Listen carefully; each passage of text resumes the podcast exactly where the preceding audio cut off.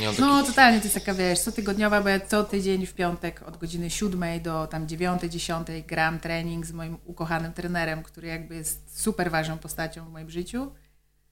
No i jakby, wiesz, jak, nie wiem, muszę go odłożyć, odpuścić, nie mam mnie cokolwiek, jestem chora czy coś, to pff, słabo. Ale dwie, trzy godziny? Codziennie? No, gramy tak, wiesz, my jakby mamy, znaczy ogólnie codziennie? nie, nie Co tydzień. Co tydzień, Jezus. Co tydzień. Gram też inne i jakby mam takich dwóch kumpli, z którymi też gram jakby z kolei w poniedziałki, czasem na przykład w sezonie letnim, jak jest, wiesz, dobra aura, otwarte korty, piękna pogoda, no to jakby w ogóle gram dużo więcej Mhm. i to już jest takie rzeczywiście może trochę chorobowe. Ale to zajawka wtedy jest, nie? Bo to No totalnie, no to jest tak, no całą tą zimę jesień w tym po prostu kraju, w którym jakby, no to nie jest kraj do tenisa, nie? Naprawdę. Także w ogóle, na przykład tak jak Ci wspominałam o tej Idze e, Świątek, bo Roland Garros odbywa się teraz, ogólnie e, jakby od zawsze odbywa się na przełomie maja i czerwca, no ale został odwołany przez pandemię, A. i został przełożony na teraz. No i jakby w Paryżu wieje, pada, jest strasznie teraz. I jakby wszyscy gracze na to narzekają, bo korty też są śliskie, więc jakby no ogólnie to jest niebezpiecznie, niebezpieczne dla zawodników, no bo wiesz, możesz No się tak. poślizgnąć, jakby skręcić kostkę, no i to jest lekki dramat dla zawodnika, nie? No i jakby jest taka beka z tego, że no dla Igi to są fantastyczne warunki, bo no po prostu Bo tak jest trenowała. zawodniczką z Polski, no nie? Więc trenowała tak pewnie bardzo często i dla mnie to jest idealnie, nie? Czyli ma przewagę. No myślę, że tak. Myślę, że tak, bo kompletnie sobie nie bierze tego do bani, w sensie tego, że wieje, wiesz, tą piłkę zwiewa, ciężko ją kontrolować, jakby, no nie jest to przyjemna gra, nie? Na przykład w wietrze. Mhm. A ona jakby, tak jak się na nią patrzy, no to kurde, jak ryba w wodzie, nie? Więc czad. Super, to trzymamy kciuki, jakby już No. zanim podcast, jak podcast wyjdzie, to już będzie wiadomo, jak Tak, to bez kitu, bez kitu. No to, to dobrze, no to ja jakby rzucę tą klątwę, że wydaje mi się, że ona to szarpnie. tak? tak. No, brzmi to, jakby miała mieć jednak e, No. przewagę No.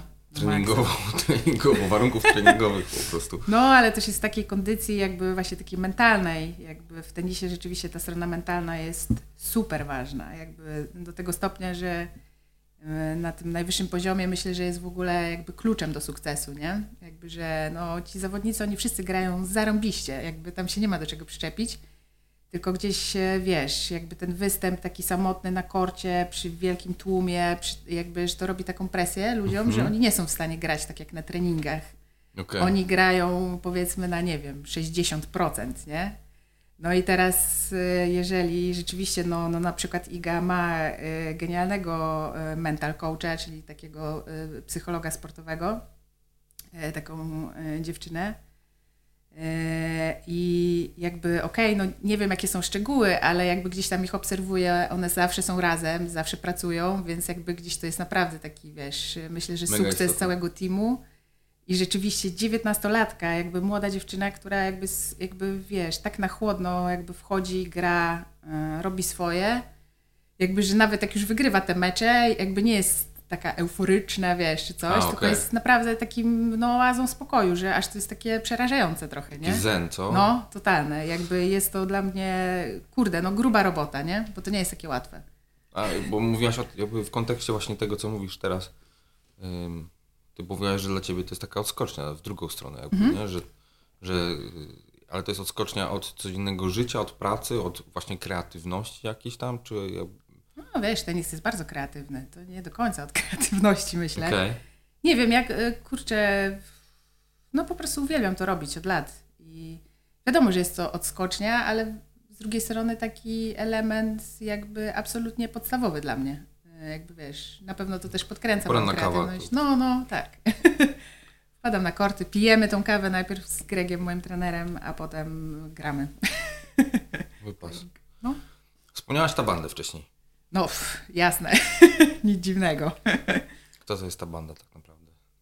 Kto to jest ta banda? E, No na pewno to jest trio w kontekście jakby ludzi. To jakby jest to trójka e, założycieli, e, współzałożycieli. To jestem ja, jest Filip Ludka i Tomek Kępa. E, No i rzeczywiście jakby absolutnie przez całą naszą historię to jest niezmienne. Myśmy w trójkę wpadli na ten pomysł, zachciało nam się stworzyć mm, jakby firmę, markę meblową. Mhm. No i poszliśmy w to i jakby na dzień dzisiejszy, po 11 latach, bo już 11 lat to robimy, jakby to jest niezmienne. Jakby Okej. jesteśmy, wiesz, teamem, gangiem, bandą, rodziną. Ta bandą. Wiesz, tak. Bandą to bandą. A właśnie jestem ciekaw, jaka jest geneza powstania, bo mm, to jest coś dla mnie mega interesującego w ogóle we wszystkich takich kreatywno, ale jednocześnie jakby bardzo kreatywno, bo umówmy się, jakby tworzenie mebli, no to, to jest, y, jeżeli to nie są meble typowo tylko funkcjonalne, em, tylko ładne do tego, to, to musi być kreatywne i tam jest duża doza inspiracji takich rzeczy. Ale ciekawi mnie geneza tego, że jak, jak połączenie się, wiesz, takiej pasji, bo zakładam, że zawsze kreatywne rzeczy wychodzą z pasji, z biznesem i z tym, że jednak no produkcja mebli to, to nie jest takie coś, No, to że sobie bierzesz, rzecz. no, No. właśnie, nie, nie jest tak, że bierzesz kartkę i rysujesz Y, i masz rysunek i proszę bardzo, to jest moje dzieło, tylko z produkcją mebli to komercyjnie w taki sposób, że no nie jesteście Ikeą, umówmy się, ale chodzi mi o skalę teraz tylko, Tak. ale no ale to, to, jest, to jest firma, nie? To jest Tak, no to jest jakby absolutnie firma jakby w 100%, yy, która jakby wiesz, no ma podejście bardzo biznesowe, yy, jakby gdzieś tam myślę, że już rozwi- rozwinęliśmy się na tyle, jakby mamy na tyle różnych doświadczeń, E, jakby ten team jest, e, wiesz, no to jest nasz sposób na życie, tak? No więc tak, oczywiście, oprócz kreatywności, jakby jest ten aspekt biznesowy i on jest super ważny, super trudny czasami, mm, no i jakby też taki, no, no tak, no tak to jest po prostu, nie? Jak coś zakładasz z pasji, jakby wiesz, w 2009 nie myśleliśmy o tym w taki sposób. A jak to się zaczęło? Właśnie jestem Właśnie, ciekaw. popytałeś o genezę. Właśnie, sam, sam ten, Mhm. wiesz, moment, siedzieliście na piwku i mówicie, wiecie co, ja to kurde bym chciał meble. tak, tak. No więc e, jakby my ogólnie rzecz biorąc wszyscy się znamy ze studiów, jakby ja z Filipem i Mhm. A co studiowaliście? Studiowaliśmy wszyscy architekturę, ale na Politechnice, więc jesteśmy inżynierami, architektami. E, Ja z Filipem byłam na roku, Tomek jest od nas trochę starszy i on w sumie bardziej się znał z Filipem, Tomek z Filipem. E, Ale gdzieś tam nasze losy się połączyły w międzyczasie e, i w gruncie rzeczy, no co, my tak jakby zastanawiając się nad tym, to rzeczywiście myśmy mieli sporo wspólnych pasji poza architekturą. Okej. E, jakby gdzieś tam e, chłopaków połączyła pasja do rowerów, pasja do snowboardu, ja też jeszcze na nartach, jakby zaliczyliśmy sporo wspólnych wyjazdów. E, No i jakby tego typu doświadczenia, tego typu, tego typu aktywności jakby bardzo jakby spajają ludzi, nie? No tak. E, Zupełnie w inny sposób niż siedzenie w ławce na wykładzie z mechany na architekturze, chociaż to też bardzo spaja, wiadomo.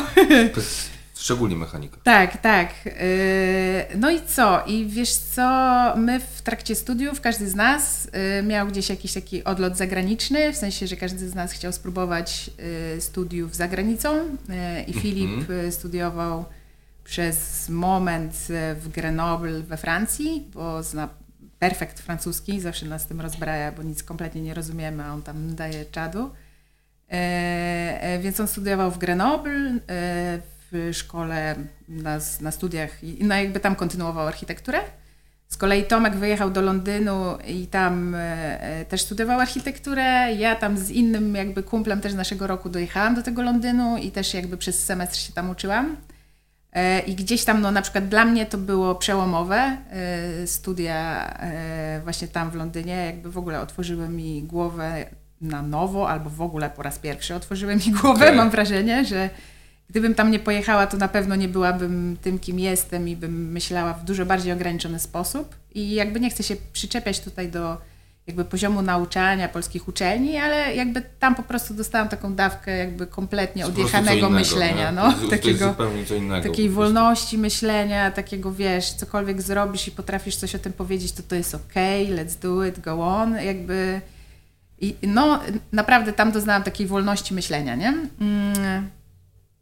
No i co, co tam dalej było? No ale okej, no to tam studiowaliśmy, jakby potem, jakby w sumie ja wróciłam do Polski, Filip też, robiliśmy dyplomy, ale gdzieś tam w międzyczasie, szczególnie właśnie Filip i Tomek, y, jakby mieli dużo takich rozkmin y, robienia w warsztacie jakimś tam rodzinnym, czegoś z drewna. Filip szczególnie, bo jego tata też jakby jest i wykształcony w takim kierunku i rzeczywiście oni zawsze mieli w domu jakby mhm. warsztat i była zawsze możliwość zrobienia czegoś, nie? Jakby bardzo dużo e, rzeczy w ich domu jest w ogóle zrobionych przez e, ojca Filipa. Więc jakby no chłopaki manualnie zawsze byli genialni. Jakby mnie to też zawsze kręciło. Nie miałam aż takich możliwości, bo nikt u mnie z rodziny jakby nie, nie przekazywał mi takiej jakby tego rzemiosła, mhm. czy tej mhm. wiedzy, czy takich możliwości ale absolutnie też byłam super manualna zawsze. Mm, no więc to nas super kręciło. Po prostu. To, że na przykład w ogóle okay, na architekturze... To są, mhm. to są takie praktyczne bardzo wszystkie rzeczy, tak, nie? Tak. o których mówisz. Mhm. No ale jednak jakiś na architekturę to chyba też oczekujesz trochę jakiegoś takiego, wiesz, artystycznego flow, czy nie? Mhm, pewnie, jasne, że tak. I tam na przykład y, na tych studiach w Londynie było masa artystycznego flow. I tak, oczywiście, bo wiem do czego dążysz, że teraz jakby przeszłam na tą taką, że, takie rzemiosło, handmade i tak dalej, ale w gruncie rzeczy na tych studiach, czy tam w Londynie, czy w Polsce, jakby musisz robić, e, jakby gdzieś tam wizualizować swoje różne pomysły i to nie chodzi tylko o budynki, które projektujesz, nie? Mhm. bo jest tam masa przedmiotów takich kreatywnych, że hej, zrób makietę na temat świadomości. Taki temat, nie? No i jakby musisz stworzyć jakąś bryłę, jakąś formę, przedstawić to, wytłumaczyć to. Więc to jest super abstrakcyjne, no i potrzebujesz jakby, wiesz, zrobić to rękami, powycinać jakieś elementy, mm -hmm. wiesz, jakby coś ulepić, cokolwiek, nie? Więc, yy, więc okej, okay, no to artystyczne flow, potem trzeba przełożyć w jakąś bryłę, którą ty musisz zrobić rękami tak naprawdę, żeby to poczuć i żeby móc potem o tym opowiedzieć. Mm, więc no, te studia takie są po prostu, nie?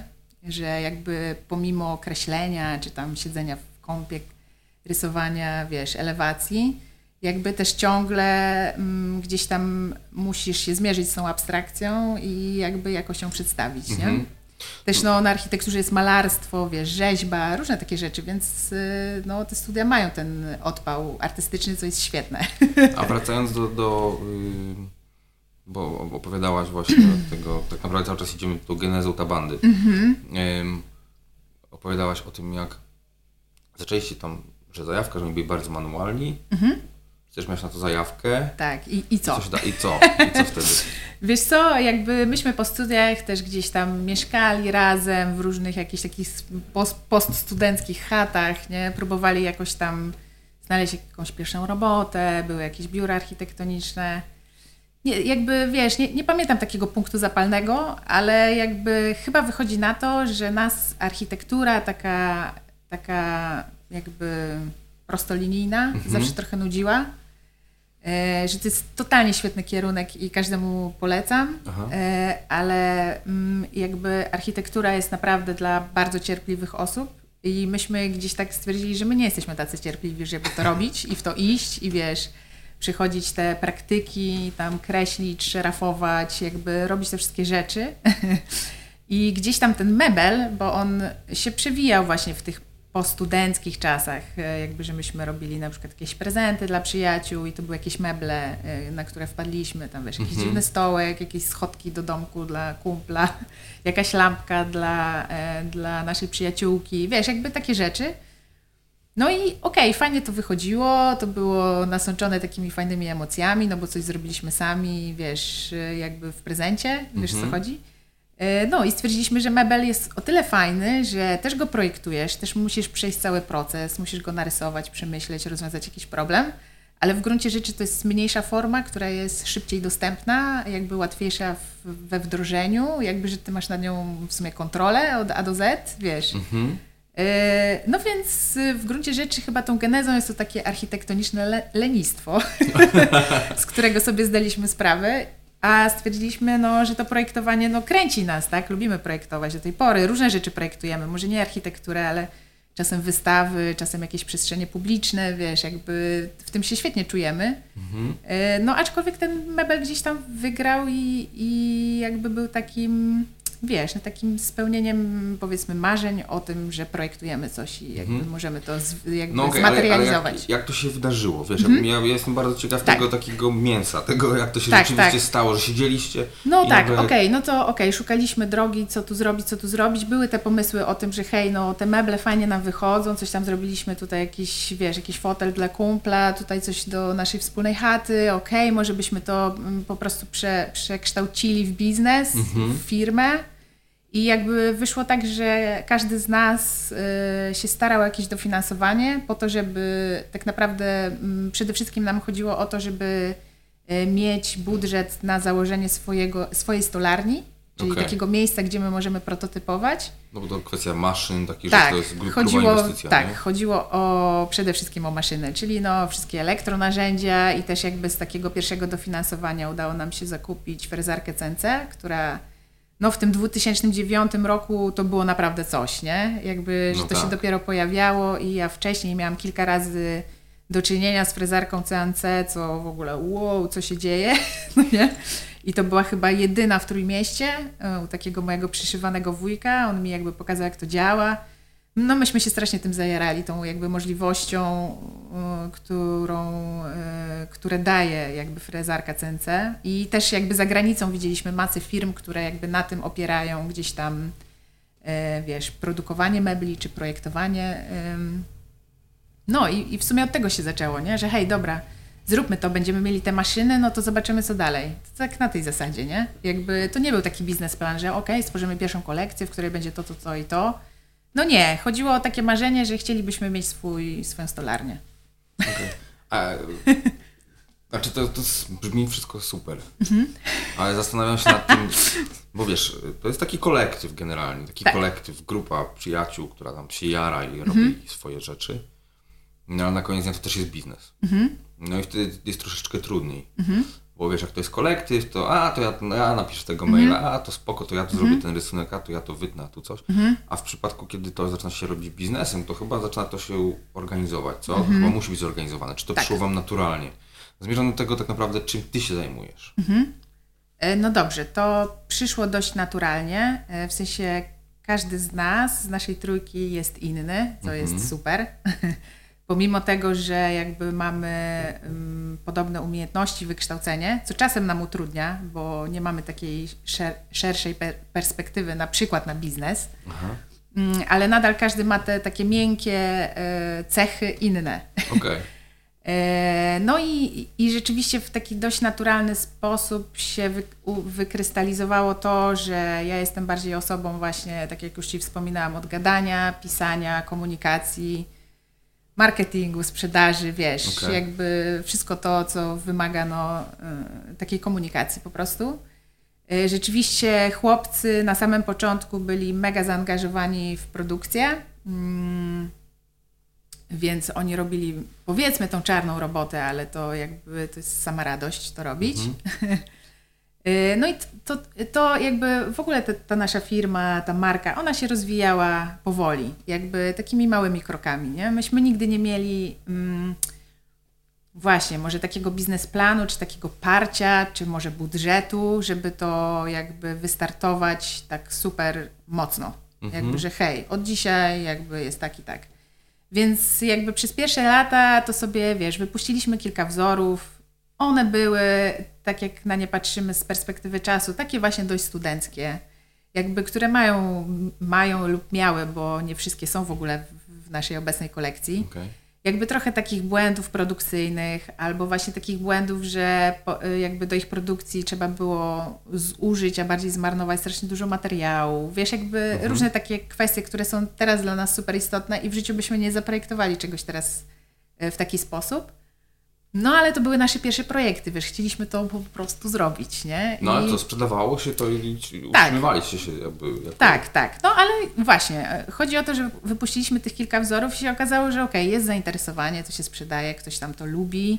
Jakby wtedy też e, jakby polski rynek nie był taki mm, za bardzo otwarty na nasze działania, bo gdzieś tam te produkty też były w tamtym czasie, no ten 2010-2011, wydaje się, że to był taki moment, że te produkty były trochę za bardzo odjechane i za drogie, mhm. E, więc e, jakby tak wyszło, że My przede wszystkim rozwijaliśmy się za granicą, mm, na rynku niemieckim i gdzieś to nas utwierdzało w przekonaniu, że hej, no ten Europejczyk, który zarabia w euro, jakby podoba mu się to, kupuje i to jest dla niego ok.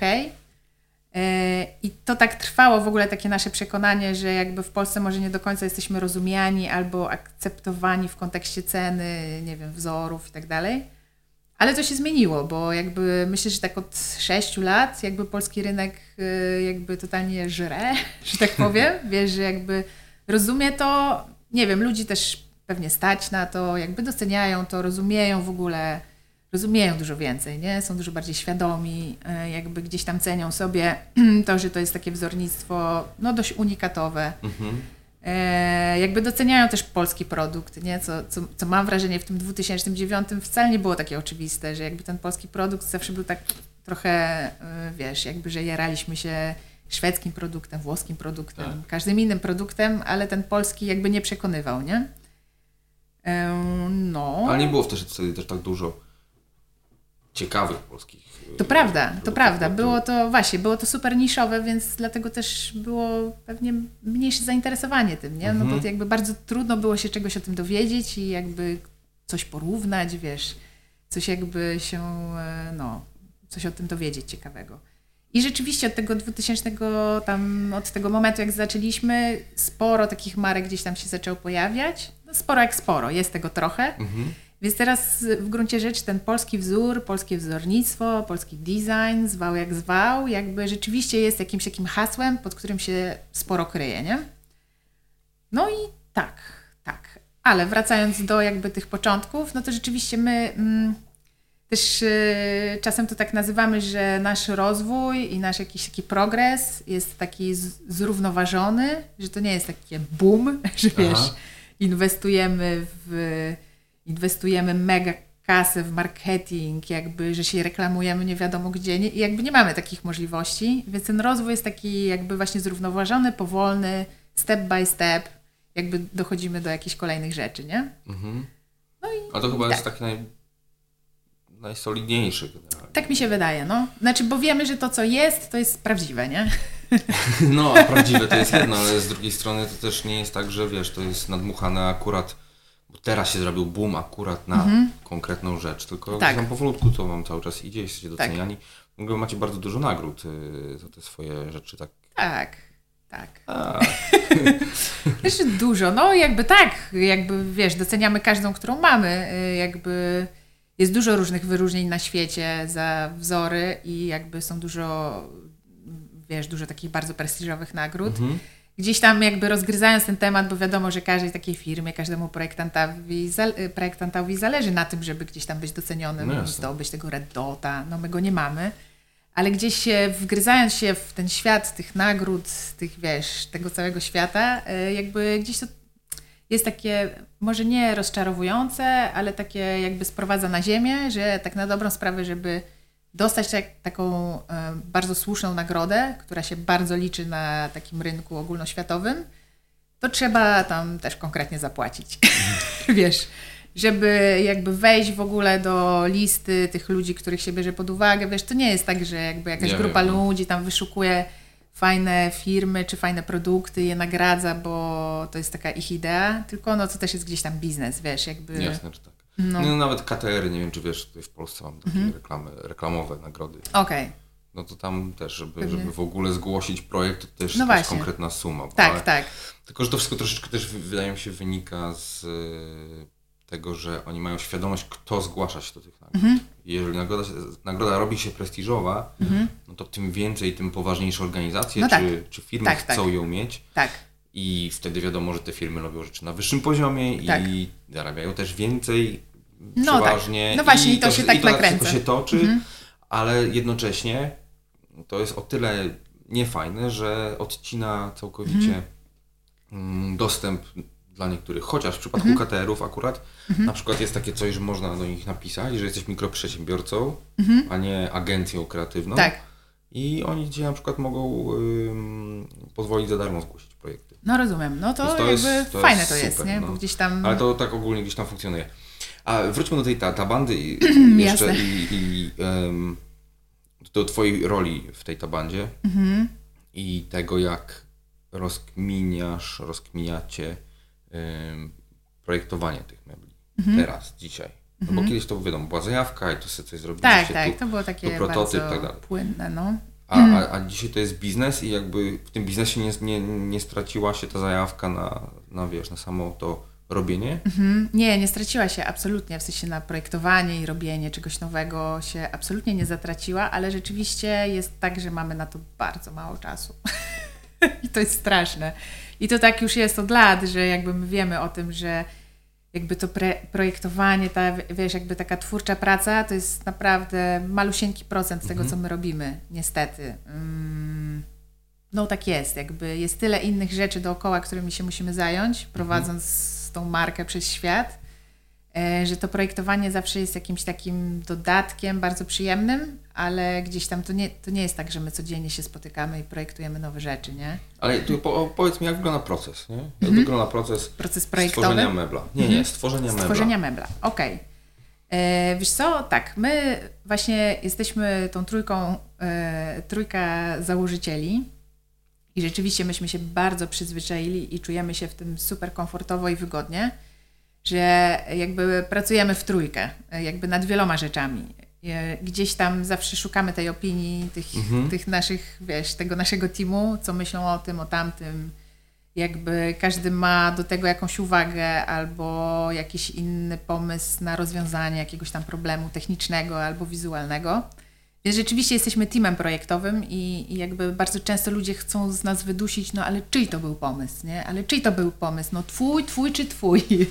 No i okej, okay, jakby za każdym razem się tak zdarza, że któraś, e, z, który, któraś osoba z nas jakby wychodzi z pomysłem. Mhm. Okej, okay, no dobra, nawiążę do naszego krzesła Diago, które gdzieś tam jest, no taką myślę, że ikoną w Które naszej kolekcji. Nie, ja, ja wiem, to takie gięte z blachy aluminiowej, takie gięte, wiem, takie, takie, takie, forma takie, origami, no, no, takie, dokładnie, mm. tak.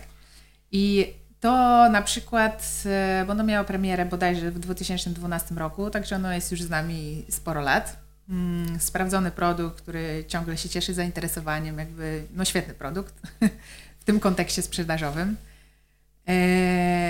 I jakby myśmy bardzo chcieli zaprojektować krzesło, bo w tej dotychczasowej kolekcji go nie było. I jakby mhm. wręcz to ciążyło na nas jak na taki obowiązek no, poważnej marki, która jakby wiesz, meblowej. No hej, no macie tam jakby stołek, stolik, półkę, no ale litości, no kiedy będzie krzesło, nie? Jakby, że to jest taka po prostu ikona meblowa, krzesło. Y, no więc to było dla nas z jakiegoś powodu, y, znaczy bardzo trudne, że jakby był taki ogólny taki stres, nie? że trzeba zrobić to krzesło i teraz w sumie jak się do tego zabrać, tak. No i ten proces projektowy, y, wiesz, on zawsze trochę wygląda inaczej. No, gdzieś tam się rozglądamy, szukamy, patrzymy, coś tam wpada do głowy i lecimy z tym, nie? Nie zawsze wiedząc, co wyjdzie na końcu. Mhm. I na przykład z tym krzesłem było tak, że byliśmy w Gdyni, w Muzeum Miasta Gdyni na wystawie Chcemy być nowocześni. E, to jest wystawa, która miała kilka odsłon i ona opowiada o wzornictwie lat 50. i 60. w Polsce, mhm. gdzie, no umówmy się, technologie były prymitywne, e, jakby materiałoznawstwo również i jakby w ogóle materiały dostępne. No a projektanci byli super kreatywni, mieli bardzo ograniczone jakby ruchy, narzędzia i możliwości, a nadal tworzyli obłędne rzeczy, nie? Zresztą mhm. jakby znowu ta wystawa była 2000, myślę, 11 albo 12, coś takiego. Okay. To było dawno temu i to był szok. E, jakby teraz ten vintage, to retro, wiesz, te jakby te wazoniki, jakby fotele, krzesła, w ogóle wzornictwo z tamtych lat jest top of the top, nie? Jakby wszyscy tego chcą, jakby to się super rozwija, jest masa miejsc, gdzie można takie produkty nabyć, że jest ten taki gigantyczny powrót do vintage, do retro. Wtedy to był taki, no taki ochłapik rzucony w tłum, że hej, patrzcie ludzie, jakby co te 40 czy tam 50 lat temu e, projektanci jakby robili, nie? Czy w ogóle sobie zdajecie z tego sprawę? No i myśmy sobie tak szczerze, no średnio zdawali z tego sprawę, co, co, było, co było wtedy. E, nie wiem, może na, wiesz, na wzornictwie na SP tego uczyli, no nas tego nikt jakby nie nauczył, nie mieliśmy tej świadomości. No i e, jakby tam było sporo właśnie krzeseł, sporo foteli, sporo siedzisk e, wykonanych ze sklejki giętej, czyli bardzo prosta technologia, która do dziś jakby mhm. trwa i do dziś jakby projektanci używają tej technologii. E, no i jakby te formy wszystkie nas totalnie, totalnie zachwyciły, nie? Jakby, że byliśmy naprawdę porażeni jakby poziomem w ogóle tych prac i no jakby taką tym, jak one były bardzo charakterystyczne, jak były świetnie rozkminione tak naprawdę projektowo, wiesz, jak przy użyciu tak skromnych materiałów, jakby jakichś wykończeń, jak były, mm, wiesz, pomysłowo rozwiązane, nie? Mhm. No i jakby my pod wpływem tej wystawy, yy, a nie, jakby nie mieliśmy dostępu do technologii gięcia sklejki, no ale to też nie jest jakieś super nie wiadomo co, mhm. bo ogólnie rzecz biorąc to polega na tym, że sklejkę musisz podgrzać i ją wtedy można giąć w jakiś sposób, nie? Musisz mieć kopyto przeważnie, to się robi przeważnie podgrzewając tą sklejkę parą, czy tam jakby, wiesz, że ona jest gorąca, wkładasz w kopyto i jakby ta... Się robi tak, wtedy pod, tak robi się, tak dokładnie, robi się elastyczna, stygnie, wyciągasz z kopyta kształt. E, no, ale można to też zrobić jakby po partyzancku, a my jakby robimy rzeczy po partyzancku. to jest też nasza siła. Ktoś kiedyś powiedział, że właśnie e, gdybyśmy byli, no, że bylibyśmy świetną partyzantką, taką leśną, nie? jako team. No więc y, jakby rzeczywiście powstał jakiś tam kształt ze sklejki, został polany wrzątkiem z czajnika w naszej tamtejszej pracowni, takiej też bardzo prymitywnej, potem tam jakby gdzieś tam naciągnięty, związany linami. Wiesz, jakby no szybka akcja, nie? Jakby okej, okay, nie mamy tej technologii, ale przecież jakby można to zrobić tak trochę na kolanie. Taki prototyp. Tak, taki prototyp. No i powstała taka forma krzesła siedziska, tej sklejki, dorobiliśmy do tego jakieś nogi. No to wyglądało tak seno, bo to był, to był jakby jakiś pierwszy pomysł, ale no takie etapy zawsze robimy. Jakby, że czasem ten pierwszy jest ohydny, ale jakby widzimy to, ale od razu wiemy, co robić dalej, co zmienić, co poprawić, co może przetestować. Mhm. Mm, no i myśmy jakby chcieli kontynuować ten projekt siedziska w sklejce. E, odwiedziliśmy kilka E, kilka takich produkcji w okolicach pomorskiego województwa, które się zajmują właśnie gięciem sklejki. Były to jakieś takie fabryki meblowe właśnie, które no, gną, gną tą sklejkę, dodają nogi, wiesz, wypuszczają jakieś krzesła. No i fajnie, dowiedzieliśmy się jak to działa, ale nadal, żeby wystartować taką produkcję, żeby to miało jakikolwiek sens, no trzeba mieć kasę, żeby w to zainwestować, trzeba wyprodukować e, kopyto, co jest w sumie e, jakby kosztogenne bardzo. Trzeba założyć od razu jakąś konkretną ilość, e, wiesz, tych produktów, mhm. żeby to w ogóle się opłacało, żeby to, żeby to miało jakikolwiek sens. No i jakby odpuściliśmy to, bo jakby no nie byliśmy na tyle rozwinięci, żeby móc przewidzieć, że okej, okay, dobra, wypuścimy ten produkt i heja, sprzedamy tam 100 sztuk, czy tam 500, wiesz, w jakiś tam czas i jakby zupełnie tak, nie, tak, zupełnie tak nie działaliśmy. Z drugiej strony, tak z naszego doświadczenia, jakby, no to też by było trochę głupie, bo przeważnie jakby taki nowy produkt trzeba gdzieś tam przetestować, pokazać go na targach, zebrać ten feedback od ludzi. Wiesz, te wszystkie badania takie społeczne na temat jakiegoś mebla, gdzie przychodzą ludzie niezwiązani w ogóle z branżą, ale na przykład, że są jakieś tam, są z jakiejś grupy ludzi, Mm, z jakiejś grupy społecznej. E, e, czekaj, jak to się nazywa? To są badania, to ma taką nazwę, sobie zaraz przypomnę, mam nadzieję.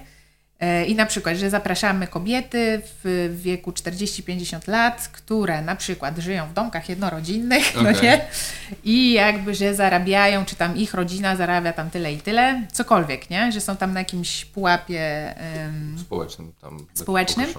I oni, y, takie, takie kobiety, bo akurat byłam na takim badaniu kolekcji meblowej, y, przychodzą, mają takiego gościa, który, mm, wiesz, prowadzi dyskusję, zadaje pytania, jakby tak animuje. Mhm. I jakby ci ludzie po prostu wypowiadają swoją opinię, nie? Co im się okay. podoba, co im się nie podoba, jakie mają obawy, co by zmienili, wiesz.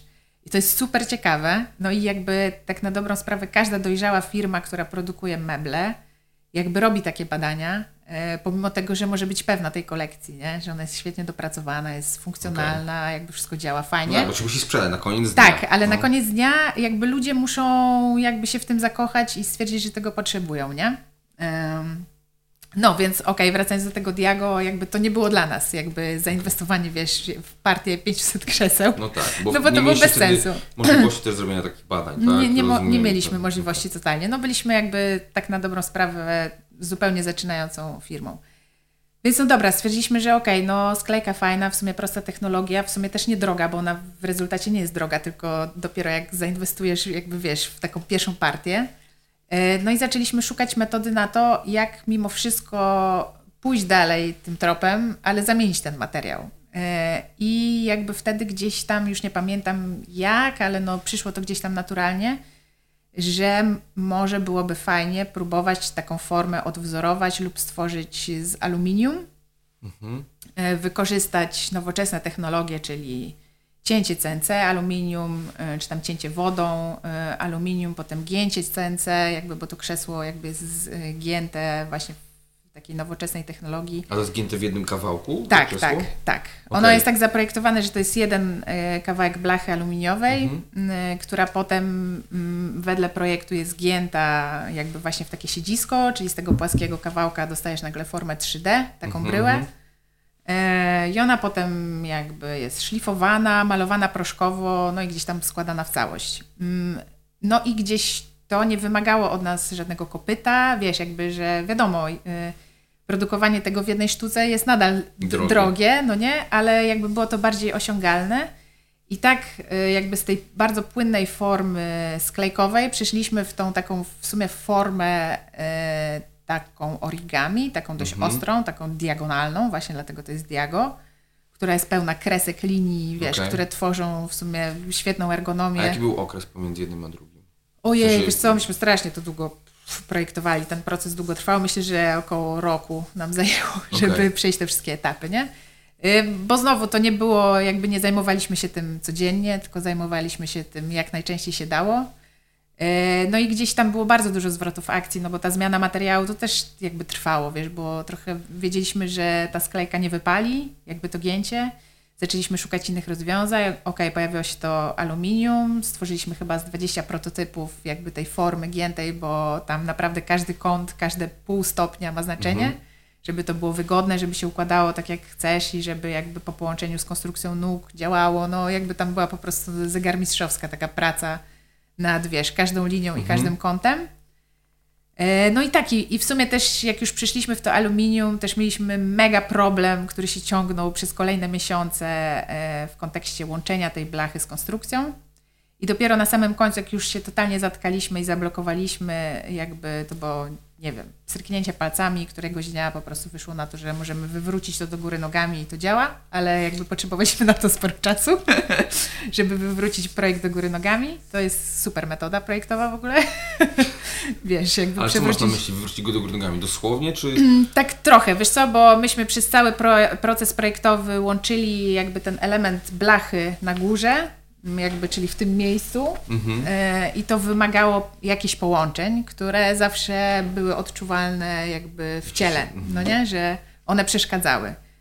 I jakby kompletnie nie wiedzieliśmy, jak z tego wybrnąć i w rezultacie po prostu zamiast łączyć to krzesło u góry, łączymy je na dole, czyli tutaj jest gładkie, a jakby całe połączenie jest na dole, tak. Więc no to jest takie przewrócenie projektu do góry nogami, mhm. jakby tego, wiesz, pomysłu, że łączymy na górze, nikt nie pomyślał o tym, żeby to połączenie gdzieś przenieść, ale tak jest no, często, nie? Tak że jest takie bardzo najprostsze tak. rozwiązania, jakby trzeba przejść cały ten tak. taki brudny proces, tak, tak. żmudny tak. wszystkich prób i wracasz tak naprawdę tak. czasem do samego początku Dokładnie. i mała zmiana Dokładnie. robi robotę, nie? No proces projektowy to jest w ogóle fascynująca rzecz, nie? Jakby niektóre są naprawdę tak żmudne, bolesne i jakby jakieś takie depresyjne. E, jakby już nawet nie mówię kontekście tylko i wyłącznie tabandy, ale w ogóle takiej pracy z procesem. Mm, ja też pracuję ze studentami, Filip też pracuje ze studentami. I to, jak czasem studenci, wiesz, y, jakby gdzieś tam w tym procesie grzęzną i jakby, i jakby są, wiesz, w totalnej depresji, niemocy, i czasem jakby jest to pstryknięcie palcami, że wiesz, uwalnia ci się głowa, bo nagle zauważasz coś, czego przez ostatnie cztery miesiące nie zauważyłeś, nie? Bo gdzieś tam miałeś tak spłaszczoną perspektywę. To jest kwestia też chyba zostawienia po prostu tego, co? Czasem tak, no. Po prostu w ogóle Pewnie, odejścia, odpoczynek, wyspanie się, tak. pójście w góry, wiesz, cokolwiek, nie? To bardzo zmienia. I wtedy tenis, Oj, tenis tak. wraca znowu do, do, do tak, temat, tak. na temat. No pewnie, pewnie. No dobra, super. A wracając jeszcze, kończę, kończąc to Diago, bo rozmawialiśmy tak. o tym procesie projektowym, to jest dla mnie mhm. bardzo interesujące. Jak się robi, wiesz, mebel, który e, jest sukcesem też, nie? Mhm. Naprawdę. Czyli okej, okay, wybrnęliście z tego, zrobiliście, odwróciliście mhm. do góry nogami projekt, stworzyliście w końcu to krzesło Mhm. i jakby to nie było tak, że je stworzyliście i nagle bach, teraz jest Nie. najlepszym krzesłem, kurwa, ever. No nie, nie było tak, totalnie. No my jakby też w taki sposób nie myśleliśmy. Teraz w taki sposób byśmy na pewno myśleli, czy to się sprzeda, czy to jest ten kierunek, a jakie są trendy światowe, a wiesz, a jakby Okej. gdzie powinniśmy, jaką niszę uzupełnić, kto to kupi.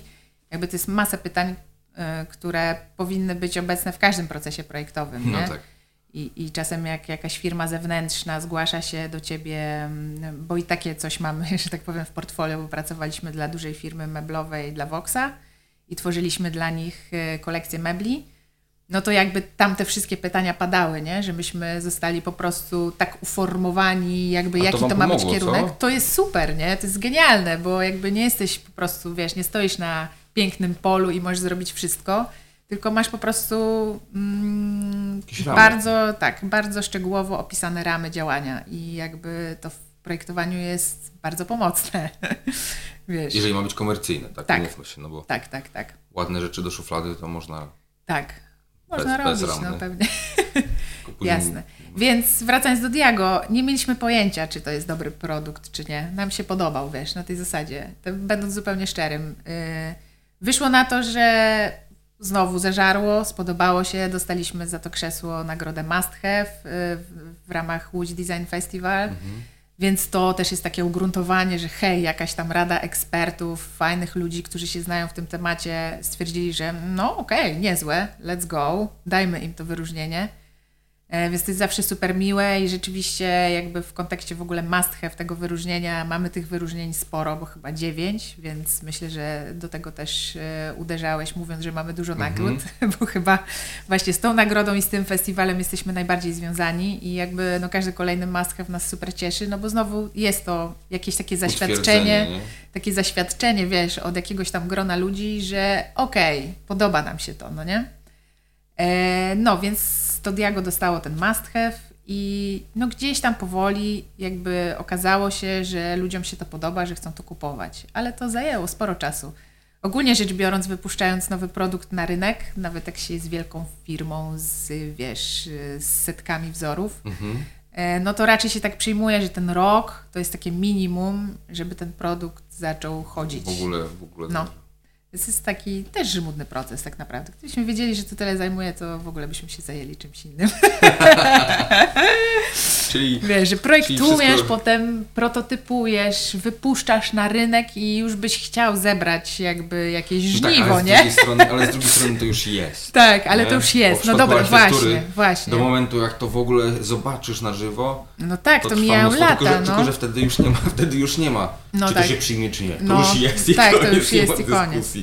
No ale jakby w architekturze, wiesz, to jest tak, że jakby jakieś takie grubsze inwestycje, e, ciekawsze budynki, no to myślę, że od takiej fazy projektowej do powstania to jest takie minimum czasem 5 lat, nie? No. I jakby jakie to jest trudne w dzisiejszych czasach, kiedy wszystko tak dynamicznie się zmienia, żeby 5 lat wcześniej zaprojektować coś, co będzie jakby zarobiste, nie? I jakby w trendach i No, to jest naprawdę...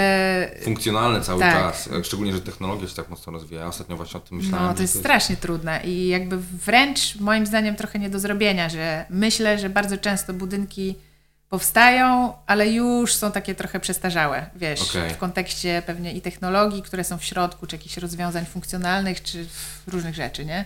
No tak, a wprowadzić zmiany to też nie jest takie No tak, y, to nie jest hop pstryknięcie palcami. Tak. Mm, dobra, wróćmy jeszcze do tych mebli coraz. Będę Ci tyrał o tym meblu, bo to jest dla mnie bardzo ciekawe, jeżeli chodzi tego. o jeżeli, jeżeli chodzi o same procesy, bo ja na przykład Mhm. wyobraź sobie w domu sobie zrobiłem szafkę, też sam ze sklejki zresztą. Mhm. Y, uwielbiam sklejkę. No, sklejka jest świetna. Super to jest taki materiał, bo on jest najbliższy na jakby Mhm. drewno, a jednocześnie wytrzymały bardziej, nie? No tak, no, no bo ma wytrzymałość, wiesz, w dwóch kierunkach, e, jakby, no nie, praca z drewnem litym, a ze sklejką to są jakby dwa światy, nie? Mhm. No i w każdym razie zrobiłem sobie tam szafeczkę nawet, więc jaram się tym, yy, ja nawet nie podchodzę, żeby, to, wiesz, ale to jest taka kreatywność, jakby wchodzenie w coś innego kreatywnego, żeby właśnie odejść, troszeczkę się odsunąć, zrobić taki krok mm, i nabrać perspektywy na swoją pracę, ale ciągle jednak być w tych kreatywnych rzeczach. I dla mnie na przykład to było takim czymś. Teraz y, pracuję nad jakimiś tam figurkami, czy coś mam pomysł z żywicą, chcę coś popracować Okej. sobie. Fajnie, no. Wymyśliłem sobie to, y, nie wiem czy to się uda, ale No, a jakie figurki? Jakby... a powiem Ci później. Okej, dobra. Powiem Ci później, bo nie mogę, nie mogę tak Dobrze, szczegółów. dobrze, jasne. Ale, E, ale no, jeżeli, jeżeli to wyjdzie, jeżeli to wyjdzie, to będzie super i Mhm. dopiero w przyszłym roku to będzie wtedy tak wyjdzie. Ale później powiem. No, no. No i w każdym razie pytam się o tą w drugą stronę, jak to Mhm. wygląda u Ciebie. Nie chcę pytać w sumie u Was, jako o tabandy, bo cały czas mówimy o tabandzie, tabandzie, Tak, tak. tabandzie. Wiem, że jesteście jednym organizmem. Tak, ale ale, to jednocześnie wiesz, nadal jesteśmy Indywidualizm jakiś tam trójką jest. ludzi, którzy są jakby, wiesz, No indywidualni, nie? I już wiem, że dla Ciebie sport jest takim odejściem właśnie, nabraniem perspektywy Mhm. do, do, do tej takiej tabandy. Jak, wiesz, jak już masz dosyć tego y, meblowania, Tak, tak. No, I- to jest też męczące, nie? to w coś, w coś idziesz, jakby masz jakiś taki właśnie coś, albo szukasz właśnie nowych kierunków w kreatywnych rzeczach, żeby jakby nadal się to rozwijać jakby pod względem tym meblowym nazwijmy, Ym, ale, ale żeby to było bardziej tak z czystej przyjemności dla, dla procesu bardziej, żeby wrócić do tych początków tabandy, gdzie na początku robiliście dlatego, że była zajawka, że chcecie Tak. efekt i tak dalej. Y, No, na, pewno to się zatraciło w jakiś sposób, już teraz, że sama wspomniałaś. No i jakby bardzo długie jest to pytanie. Ale y, upraszczając je, do czego uciekasz y, poza sportem, jak już masz dosyć projektowania w formie, w jakiej teraz to już się odbywa? Ojej, wiesz co, kurczę, to jest szeroki temat, bo mi w głowie siedzi, siedzi miliony pomysłów, nie? E, I kurczę, jakby bardzo dużo różnych dziwnych rzeczy. No dobra, ale to zarzuć jakiś pomysł. Tak, właśnie bo, taka, jakby, taka... bo okej, ten sport to jest jakiś tam fakt, e, ale to jest taka, wiesz, to jest taka odskocznia bardzo fizyczna. Ja lubię trenować różne rzeczy, Mhm. bo nie tylko tenisa trenuję, czy trenowałam, jakby ten sport jest jakby elementem mojego życia od najmłodszych lat i jakby to jest, wiesz, to jest po prostu tak jak jedzenie śniadania dla mnie, nie? Mhm. A w kontekście takim bardzo indywidualnym, kurczę, wiesz, jakby absolutnie zawsze całe życie e, uwielbiałam malarstwo, sztukę, totalnie sztuka mnie wzrusza, uwielbiam chodzić na wystawy. Chciałabym też coś sama kreować takiego. E, jakby ostatnią moją bardzo śmieszną zajawką jest land art. Land art? Tak, czyli taka sztuka w terenie. E, e, czyli hmm, jest taki w sumie znany landartowy artysta. To jest absolutnie bardzo niekomercyjne, bo ciężko wydaje mi się na tym zarabiać, ale to jest wspaniałe totalnie. Jest taki artysta Andrew Goldsworthy, bodajże, taki Anglik, który robi różne artystyczne działania w lesie, na polu, jakby znajduje sobie wielki głaz i coś tam w nim robi, na przykład z błota, wiesz, albo y, jakby, nie wiem, ma tak- swoje ulubione drzewo pod chatą, na którym y, robi różne działania w różnych porach roku, jakby coś tam, wiesz, zbiera, segreguje, układa w jakieś wzory. No, to jest taki odlot trochę, nie? Okej, ale czy to jest taki mocno konceptualny Tak, odlot? tak, czy tak. Taki, czy, czy ciągle taki mocno graficzny? Nie, myślę, że konceptualny, Czy- w sumie to nawet nie wiem, co to do końca znaczy. Mm, No w sensie wiesz, że bo to Graficzny- błoto symbolizuje na tym kamieniu, yy, rozumiesz, w Tak. Ten sposób konceptualny, taki, taka typowa sztuka nowoczesna. Aha, wiesz co, znaczy Czy- tam chyba nie ma czegoś takiego, że to było to coś symbolizuje. Bardziej chodzi o taką, y, o taką więź z tymi wszystkimi elementami, które są w przyrodzie i, nada, i, i w sumie ubierania tego w geometrię, bo w landarcie by się bardzo dużo pojawia geometrii takiej bardzo matematycznej, A, która jakby wiesz, jakiś gigantyczny okrąg y, zapleciony z jakichś gałęzi, z jakichś wiesz, gigantycznych pniaków gdzieś tam w środku lasu, co tworzy jakąś taką ciemną otchłań. No i, i to są takie rzeczy, które robią mega wrażenie, nie? Ale rzeczywiście przeważnie jest to wprowadzanie geometrii, takiej właśnie matematycznej, takiej, którą my rozumiemy, potrafimy nakreślać i opisywać, Mhm. w tą taką totalnie organiczną e, naturę, nie? Okej, E, czyli taki kontrast pomiędzy tak. jednym a drugim. To bardzo fajnie brzmi. No, to super brzmi. Musisz, musisz mi później yy, przypomnieć, jak się nazywa, zapom- ja muszę sobie, sobie to Tak, obczaić, tak, To tak. brzmi bardzo fajnie. No, to jest świetne. Widziałem, widziałem w, jak byłem w Los Angeles, to jest taki tam kanion, taki znany do e, spacerów. Kanion. Ranion Kanion się nazywa. I e, tam właśnie widziałem coś takiego w takim niedostępnym bardzo miejscu, które było widać z góry tylko zasadniczo. właśnie były ułożone kamienie mhm. Pomiędzy tymi chaszczami jakimiś. Tak, artyści landardowi uwielbiają kamienie. I te kamienie były w ogóle ułożone w tak, w, to była taka spirala chyba, z tego co pamiętam. Mhm. I ona była do tak, ona była trójwymiarowa o tyle, że, że no wiadomo, kamienie są trójwymiarowe, ale mhm. to była spirala, którą się widziało z góry, mhm. ale jak zeszłaś niżej, to się okazywało, że tam były różne wysokości. Ja rozumiem, że nagle kamień się... na kamieniu jeszcze mhm. były. Jakby te, mhm. I zastanawiałem się, o co tu w ogóle chodzi. Mhm. Chyba nawet tam były właśnie jakieś zaplecione takie mhm. mm, te chaszcze dookoła jakoś jeszcze, żeby całość to w ogóle tworzyło taką dziwną strukturę. To wyglądało jakby mhm. jakaś, nie wiem, czarownica nagle tam no, no, no, wpadła, wpadła i coś stworzyła. coś w ogóle nie wiadomo dlaczego. I w takim miejscu właśnie bardzo niedostępnym jeszcze, mhm. że to można było oglądać, ale mhm. nie, nie, nie doświadczyć tego, wiesz, dookoła się. Mhm, e, I to mnie bardzo ciekawiło, ale to może właśnie jest... E, no, to jest bardzo fajny temat. Mm, ogólnie rzecz biorąc i ja, i ta banda, bo też o niej mówimy, jakby mhm. my wszyscy totalnie kochamy styk z naturą. E, jakby wiesz, ja się czuję fantastycznie, będąc w lesie, mogłabym tam siedzieć sama i sobie obserwować, co się dzieje, nie? Że to są takie odloty. Myślę, że znaczy, tak naprawdę każdy człowiek tego potrzebuje i to lubi. Mhm. Może niektórzy nie, nie są tego świadomi, albo nie wiem, wstydzą się tego, albo nie mają na to czasu.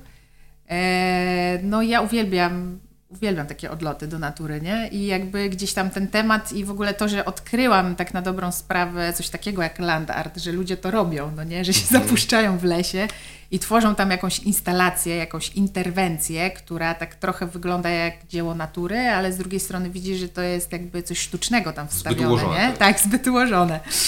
Yy, więc no, to są takie, może performance to nie jest, ale jest to, przeważnie to są tak można by to nazwać, nie? że to są takie instalacje w naturze z elementów, które z tej natury pochodzą, nie? Przeważnie, ale... A czy to jest, yy, powiedziałabyś, że to się, to jest taki pokarm do waszej pracy takiej codziennej w jakiś sposób? Yy, nie wiem, jakby to jest jakiś taki pokarm dla mnie, jakby gdzieś tam, wiesz, sobie, nie wiem, będąc w lesie, tam na mojej działce, czy w ogóle łażąc po okolicy, bo ja jakby mieszkam tutaj na Dolnym Mieście, i, I tam są na przykład bastiony. Tam jakby zrobiłam jedną taką śmieszną pracę, bardziej taki eksperyment. No to jakby ja po prostu Powiedz. cały czas mam jakieś pomysły, że coś można by, wiesz, widzę dwa drzewa i jakby gdzieś tam coś mi się kreuje w głowie, że wiesz, gdybym właśnie swoją geometrią, czy jakby czymś tam zadziałała między nimi, to stworzy się coś. Yy, wiesz, co ma taką jakby jakąś taką siłę i na pewno zwróci uwagę, nie? Bo to są takie, takie no, tak, tak myślę, to oddziałuje. A to co, co zrobiłaś tutaj? No, bo tak. ja też tu mieszkam, dlatego no więc, jeśli w y, bastionach, tak. to... Tak, więc w sumie to będzie historia i myślę, że Kasia Janczeska, która tutaj była u Ciebie, się bardzo z tego ucieszy, bo byłam w tym roku w Bieszczadach mm, z taką bardzo mi bliską kumpelą właśnie od łażenia po górach. E, I jakby jak chodziłyśmy po połoninach, to bardzo, bardzo wiało, tak totalnie dramatycznie. E, no i jakby w związku z tym wiatrem, który jest pięknym zjawiskiem tak naprawdę, mhm. jakby całe połoniny są porośnięte trawami i jakby te trawy, wiesz, jakby po prostu jak włosy na wietrze się pięknie układały, kręciłam to, robiłam milion zdjęć i w ogóle mhm. Było to dla mnie super e, właśnie wzruszające w ogóle to obserwować. Mm, no i gdzieś tam e, właśnie taki filmik mój zobaczyła Kasia i go skomentowała tak, że, że tak bardzo chciałaby mieć taki gigantyczny grzebień i móc czesać te trawy, no nie? No i okej, okay, no, no tak, w sumie świetny pomysł, no nie? Mieć taki gigantyczny grzebień, co za problem, można go wyciąć u nas na CNC, nie? No i okej, okay, takiego grzebienia się nie dorobiłam, ale właśnie na bastiony, no to są jakby takie sztuczne twory ziemne, no nie? Mhm. E, I one porastają trawami różnymi, w sumie takimi jednorodnymi, że nie jest to taka łąka pełna różnych roślin, tylko tam to jest jakby porośnięte takimi mm, jakby jednym rodzajem traw, tak może, tak, tak, tak, no. tak. No i to jest super ładne, jak o tego mieszkam i jakby się tam przechadzam, jak na przykład mam psa, bo czasem go mam od mojego taty, nieważne, się nim opiekuję. No i jakby znowu gdzieś tam powstał taki pomysł, y, który właśnie cały czas mi się łączył y, z tym spostrzeżeniem, że fajnie to by było uczesać. Więc postanowiłam y, jakby rzeczywiście uczesać te trawy. I zaplotłam taką gigantyczną linię, znaczy gigantyczną to może też złe słowo, bo ona wcale nie robi takiego wrażenia gigantycznego, ale ja robiąc to miałam wrażenie, że to jest wielkie wszystko i robiłam to kilka godzin. No i jakby zrobiłam taką, taką rysę, taką bliznę, nie wiem jak to nazwać. To jest taki warkocz, który jakby przez cały bastion idzie od góry do dołu. Jest po prostu taką linią zaplecionych traw, po prostu, as it is. I kiedy to zrobiłaś? No nie wiem, z dwa miesiące temu. Po prostu tam poszłam i to zrobiłam. Nie, to nadal, nie miałam... nadal tam Tak, istnieje? właśnie to nadal tam jest, bo nikt tego... Na którym bastionie? Na tym tutaj od Dolnego Miasta, czy od, od, od tej bramy, tam po drugiej stronie? Po drugiej stronie. Ten najbliżej ulicy i kolejki.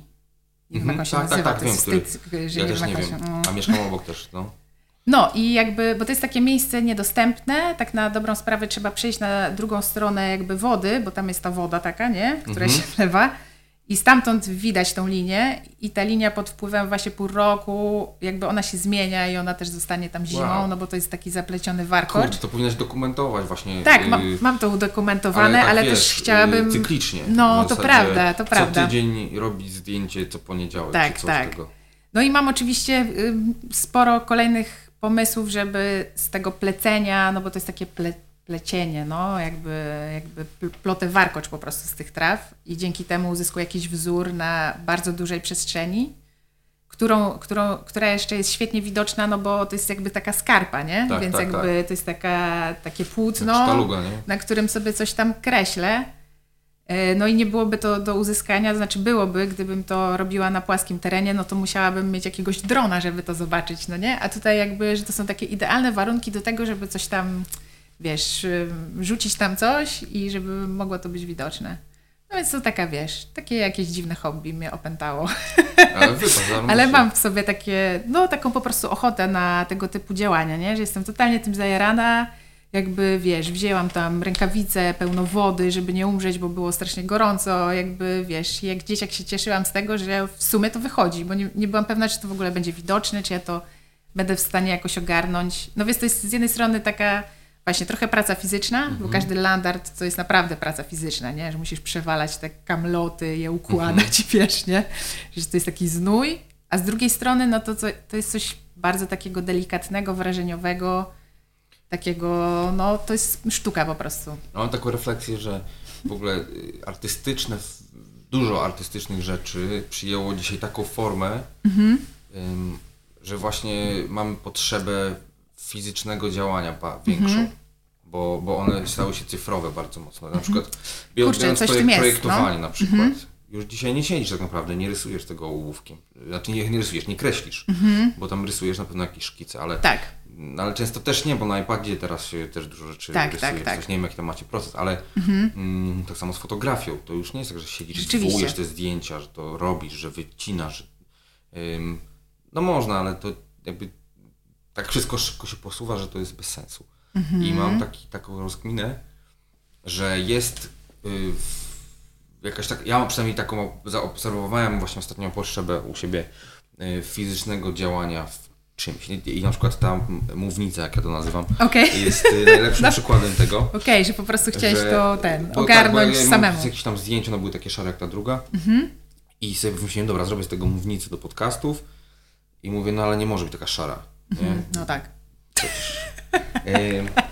I miałem taśmę maskującą, mhm. mam tam torbę sprayów i mówię, kurde, Dobra, zobaczymy co z tego wyjdzie. Zacząłem to wyklejać po prostu taśmą i miałem niesamowitą przyjemność z tego. Tak. Z Muszę tego, przyznać, wiesz... że jakby przemawia to do mnie, że jakby ja mam wielką potrzebę takiej fizycznej pracy artystycznej w sumie, że mhm. jakby nie maluję, ale chciałabym to zacząć robić, bo strasznie mnie to kusi i jakby też mam w głowie, wiesz, milion rzeczy, które bym chciała namalować na przykład.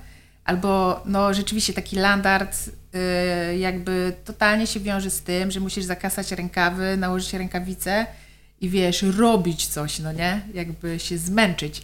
Tak, no to, tak, tak, tak, całkowicie, całkowicie. Właśnie o, o, to trochę też chodzi, nie? Że, mhm. I to jest takie żmudne, ale widzisz ten efekt cały czas stopniowo, bo mhm. na komputerze to, nie wiem, jak, ciężko mi w ogóle to porównywać, nie? Ten, mhm. No tak. Na komputerze tak dalej. Megi, tylko nam godzinka już, tak? sobie. O Jezu, właśnie tak się obawiałam, że jednak jak się rozgadam, to... Słuchaj, ja bardzo chętnie jeszcze raz się spotkam na y, kontynuację, Fajnie. może w całą stałą trójkę w ogóle was y, Bardzo chętnie, no super. Fajnie, że, byłoby... żebyś nas poznał w trójkę, bo no bo to jest super ciekawe, nie? No, bo tak jak mówiłam, każdy ja z nas ma inny flow, inny feeling.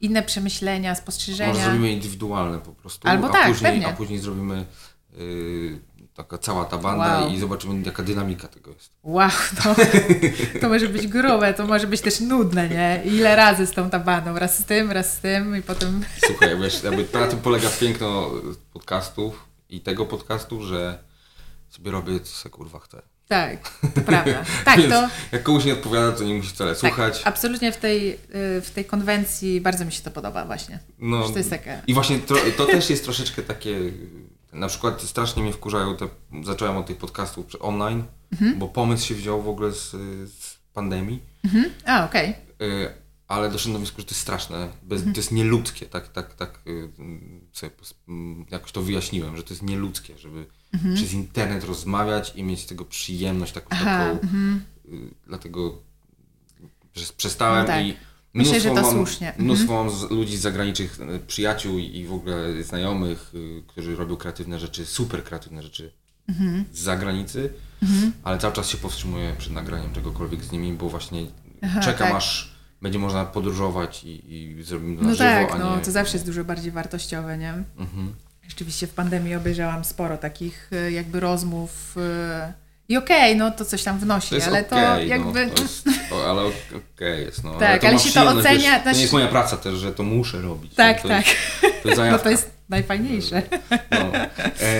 Gdzie was znaleźć, albo gdzie ciebie znaleźć, jeżeli chcesz być znaleziona w ogóle, albo no tabandę, tabanda.com, Tabanda.pl PL, to my, to nasze produkty. Trochę też o nas też można znaleźć na stronie. Mhm. Y, obecnie nasze jakby takie bijące serce, czyli produkcja, magazyn, stamtąd wychodzą nasze produkty do klientów, stamtąd wszystko zjeżdża, znaczy do tego miejsca wszystko zjeżdża od naszych lokalnych producentów, bo my współpracujemy z mnóstwem różnych utalentowanych fachowców i tym się szczycimy, to jest świetne, bo bez tego by no, nie dało to rady. Mhm. E, Więc e, wracając do tego, gdzie jest to bijące serce, ono jest w Gdyni, w tym momencie w PPNT, czyli w e, Parku Technologicznym w Gdyni. Mhm. Tam się zagnieździliśmy w takich prototypowniach i tam mamy w tym momencie naszą bazę. Ba, baza tabandy. Tak, Superancko. No dobra, dziękuję Ci bardzo Maggie, ja również dziękuję, rozmowę. super miło. The best cashews.